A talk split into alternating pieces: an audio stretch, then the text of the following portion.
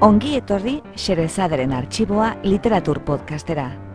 Podcast hau egiten dugu Jason Elarrinagak eta Ana Moralesek Bilbo Iria Irratiko estudioan. Guk bezala, zuk ere uste baduzu munduan gauza gutxi direla, hain atseginak nola ipuin bat patxada zentzutea, gera zaitez gurekin. Eta prestatu munduko kontakizunik bikainenak euskaraz entzuteko.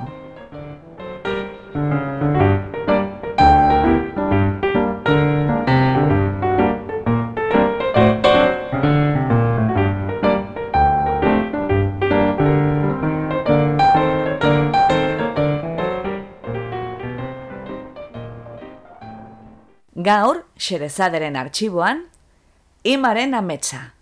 Egilea, Thomas Mihan. Itzultzailea, Ana Morales. Afari, baskari eta zintzur bustitze etengabeen sasoi honetan, guk ere, gure xampan kopatxoa jaso gure izan dugu, gure entzule guztiekin solstizioa edo urtezarra edo berria edo dena delakoa ospatzeko. Irribarre batez ospatu ere. Sozializazio distroierreko egun hauetan, sarri gertatzen zaigu jende berria ezagutu beharra. Baita guk geuk bitartekari lana egitea eta ez ezagunak elkarri aurkestea ere. Anfitroi lana ez da ez bat ere reza batzuetan, eta alas erakusten digu gaurko ipuintxoak. Baina lasai, izenburuak dioen bezala, ametsa besterik ez da.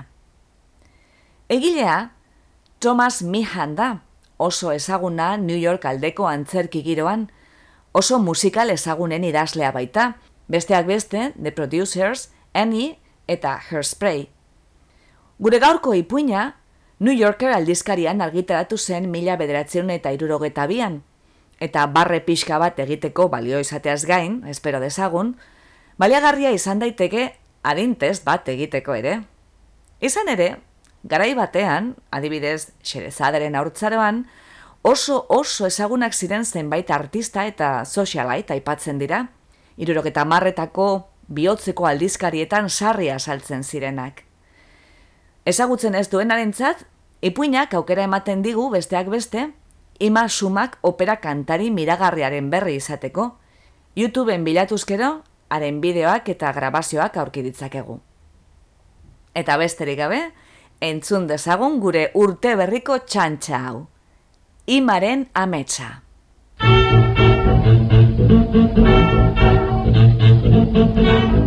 Azken hiru hilabeteotan, ilargi betea egon den gauetan, amets bera izan dut.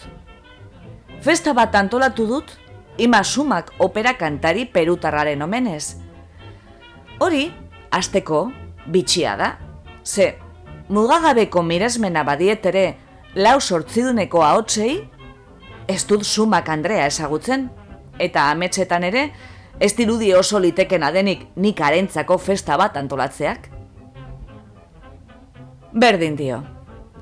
Kantari eta biok nire pisuko egongela txikian gaude, Charles Streeten, Greenwich Villageen, eta ikaragarri guztora gaude. Nire historio suediarretako batzu kontatu dizkiot, eta berak, ordainetan, handetako herri kanten pupurri bat kantatu dit ketxu eraz. Batetik bestera, beste gonbidatuak etorriko dira. Hala ere, ez daukat ideiarik ere, nortzukote diren.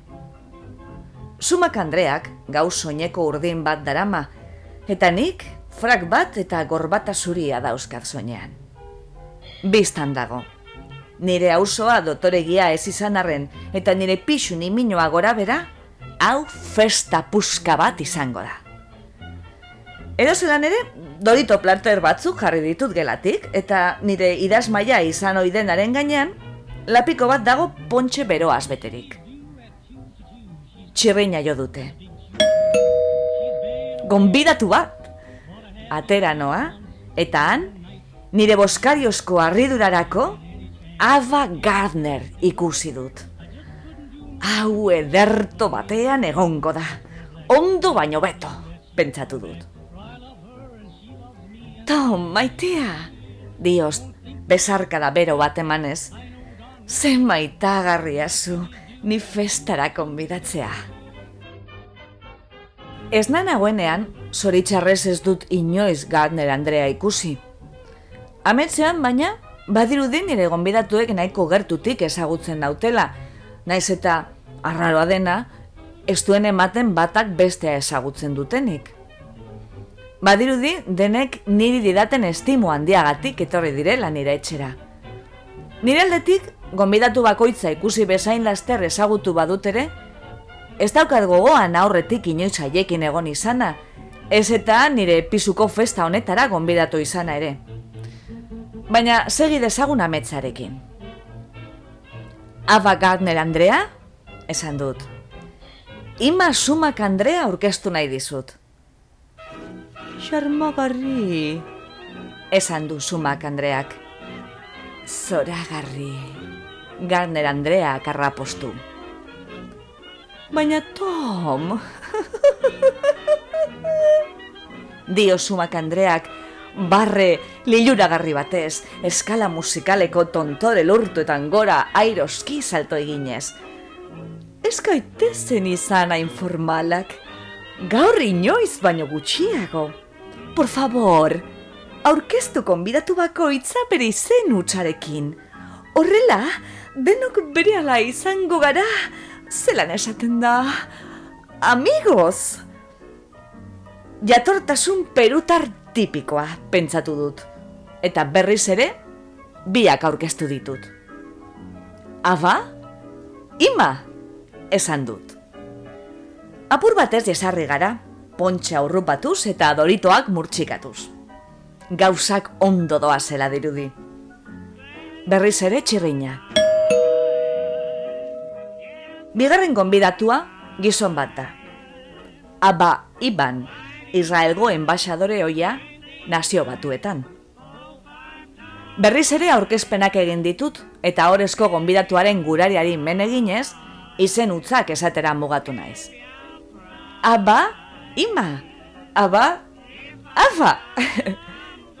Esan dut, barretxo ito batez, baina ez sumak Andreak ez beste gonbidatu biek, ez bide diote inongo graziarik ikusi berbetan jarraitu dugu. Txirreina jo dute berriro, eta atea zabaltzean, pos handiz ikusi dut, una onil, Charlie Chapinen emaztea, egon gelara eroan dut. Una, ima, una, aba, una, aba, esan dut. Orain, zirkulo batean gaude zutunik, irribarre diztiratzuekin, baina berba askorik egin gabe. Tentzio xume bat asmatu dut, baina festa gaztea da eta oraindik bizitu egin daiteke. Berriz ere, txirriña. Beste gizon bat da, Hugo Beti, idazle italiarra. Presati xamar, taldeari aurkeztu diot. Hugo, ima, Hugo, aba, Hugo, una, Hugo Aba, esan dut. Sumak Andreak begirada enigmatiko bat jaurtiki dit, eta interpretatzen saiatu naiz. Aspertuta, egarri? Ez, azerre ematen du iaia. Guztien basoak bete ditut berriz ere harineketan. Arrazoiren bategatik, hasi naiz nire barruan otoi eskatzen jende gehiago gonbidatu ez izana. Hala ere, txirriña entzun da berriro. Eta atea zabaltzean, bi aktore xarmagarri aurkitu ditut. Ona Manson eta Ida Lupino. Horrek, zorioneko inspirazioa eman dit aurkezpenak egiteko. Konbidatu egingo ditut izenak. Ona eta Ida, esan dut, segurutik ezagutzen dituzue Ima eta Aba. Ida, ona, una, Aba kakasarra ez da parekatua geratzen. Ida, ona, Hugo, amaitu dut, traketz. Manson Andreari eta Ida Lupino Andreari lehen edariak eman baino ez dut egin eta berriz ere atea entzun dut. Gonbidatuak, arrisko arpegiekin begira dauzkat, etorri berria egon gelara dakardala. Gizon gazte bat da, agakan Itxura bikaina dauka, smokina eta kuadrosko fajina jantzita. Irribarre alai egiaz, taldeari aurkeztu diot. Aiskideok, esan diet, beti gorrotatu izan dudan berba bat erabiliz. Hemen duzue, agakan, badakizue. Baina isilik geratu dira, eta jarraitu behar izan dut. Aga, ima aba una, onata ida abata ugo. Agakanek eta iban jaunak, ohartu naizenez, ezin ikusi hartu diote elkarri segituan. Eta laino bat ikusi dut jausten argi eta garbi nire festaren gainean. Asmakizunetan jolastea proposatu dut. Izotzesko begira da zerantzun diote denek proposamenari, baita Gardner Andreak ere. Lehen zidan estimo guztia, erabat aienatua dago. Txebeinak berriz ere jo duenean denak giratu eta ateari tinko begira geratu dira. Atea zabaldu eta beste bikote bat aurkitu dut. Ira Wolfert novelista eta Ilia Ehrenburg novelista errusiarra. Bigarrena, ondo dakit, munduan asko ibilitako gizona da. Beraz, metodo berri bat probatu dut. Ilia, diot, Zergatik ez duzu zure burua eta ira aurkezten, lagun zoragarri hauek guztiak ezagutzen dituzu, ezta? Niet, erantzun du Erenburg jaunak. Ezin dut esan aladenik. Oh. Osondo, esan dut.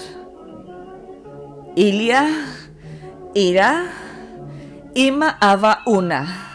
Ilia, ira, ona ida aba ugo aga. Sumak Andreari eskatu diot guretzat kantatzeko. Ez ez esan dit. Jarraitu dugu pontxe edaten eta isketa utzal eta etzigarriro motelean. Iban eta agakan gelako mutur banatan daude, elkarrizo. Hasi naiz pentsatzen, zergatik eman beharote nuen festa madarikatu hau. Ona Mansonek Hugo betiren ukondoa jo du gora barik eta edaria bota dio. Salto bat ez joan ez gauzak lasaitzera, patrikatik zapi bat atereaz. Ez kezkatu, hotz egin dut. Ez da ezer, Hugo, hartu beste edari baga, biga, iga. Gonbidatu exo egin didate tinko, begiak erdi itxita. Une horretan, Eba Gabor, aktore ungariarra, sartu da gelan lehen zabale ikutze baitut atea zurki. Gertatzen ari denaz jabetu barik, besarkada eman ditebak eta posez distinant, besteen gana giratu da. Ez dago ies biderik, aurkezpenak egin behar ditut. Harineketan hasi naiz. Eba, hauek dira, ima eta aba eta una, Baina orduan ikusi dut Gabor Andrea gonbidatu bakoitzari besarkada emateko pausatzen dela, eta beraz gainerakoak banan-banan aurkestea beste biderik ez dut izan. Eva, Ona, Eva, Ida, Eva, Hugo, Eva, Aba, Eva, Ilia, Eva, Ira, Eva, Aga. Festa hau, horriblea da. Gizon guztiak mordo batean bildu dira. Zirkulo batean gaude zutunik, elkarri susko begiradak botatzen. Ezait bururatzen ezer esateko. Modu bitxian inguratua sentitzen naiz, harrika hil behar duten gizona bezala. Berandu nabil? Galdetu du uta hagen aktoreak alaiki gelara estropezuka sartzerekin batera. Ez, ez, diot besotik galaiki hartuz, eta bere ala pontxe lapikora gidatuz besten gandik urrun. Mesedez, eukizazu gutxieneko desentzia eta orkestu zure konbidatuak elkarri. Esan dit sumak Andreak, ahots monotono eta hotzean. Eta behar den moduan. Ametzean badirudi ima sumakek nolabaiteko boterea daukala nire gainean eta ark nahi duena egin behar dudala. Ondo da, ondo da, erantzun diot motz eta minduta. Uta, ima, uta, aba, uta, una, uta, ona, uta, ira, uta, ugo, uta, aba, uta, ilia, uta, ira, uta, aga, uta, eba! Buelta mandut ikusteko, ia horrek baketu duen sumak Andrea, baina ark, ostasunez ignoratu nau. Gorrotoa hartzen asinatzaio. Orduan konturatu naiz pontxea amaitu egin dela, eta jari guaia besterik ez daukadala nire konbidatuei eskaintzeko. Txirrin madarekatua berriro. Atera noa, eta konbidatuen irukote berri bat aurkitzen dut nire aurrean. Ono Suzuki violinista japoniarra, Mato Nishikori poeta, eta Peia Botarelli pintore italiarra. Lagunok, Ono, Mato, peia! Beste inor etorriko esten esperantzan, atea itxi dut isilik. Baina txirrin entzun da segituan, eta utzikara batek hartu dit bizkarrosoa. Ez entzunaren egin dut. Zabaldu atea, esan duzumak Andreak agintez. Gonbidatuen zirkuluan igana estutu da mehatxuz. Biotza jauzita, atea zabaldu dut. Nire aurrean, koktel traje orbangabea jantzita, gizon mardul bat dago, itxura finekoa. Pianista poloniarra da, Miesislav Horsovski. Aurrera, Miesislav, diotzat begiak malkotan. Nire bizi guztien sekula ez naizain beste postu pertsona bat ikusteaz eta hementxe amaitzen da beti, nire ametsa.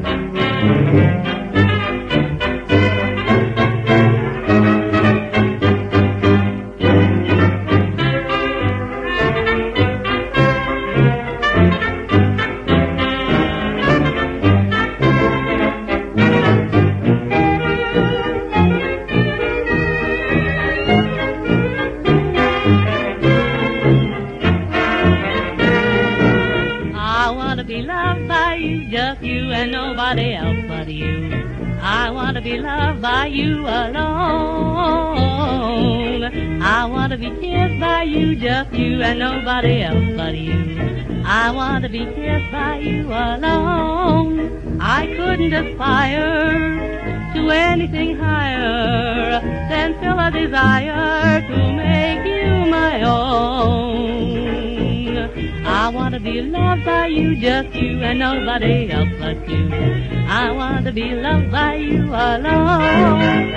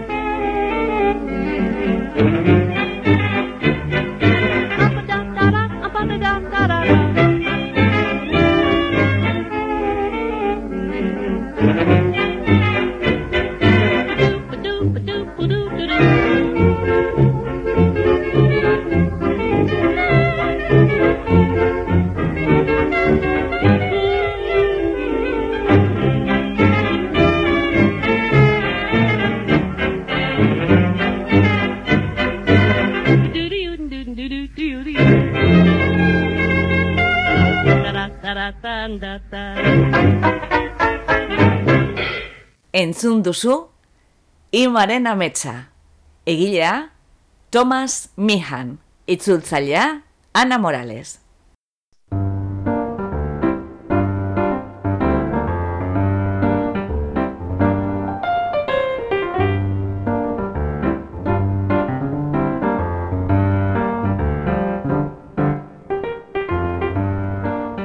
Xerezaderen artxiboko beste atal bat entzun duzu. Gure doinoa da, Charleston Behind the Attic Door, Dance of the Wind taldearena. Besterik adierazi ezean, gure musikak jamendo.cometik hartuak dira, eta soinu efektuak berriz, freesound.cometik ateratakoak.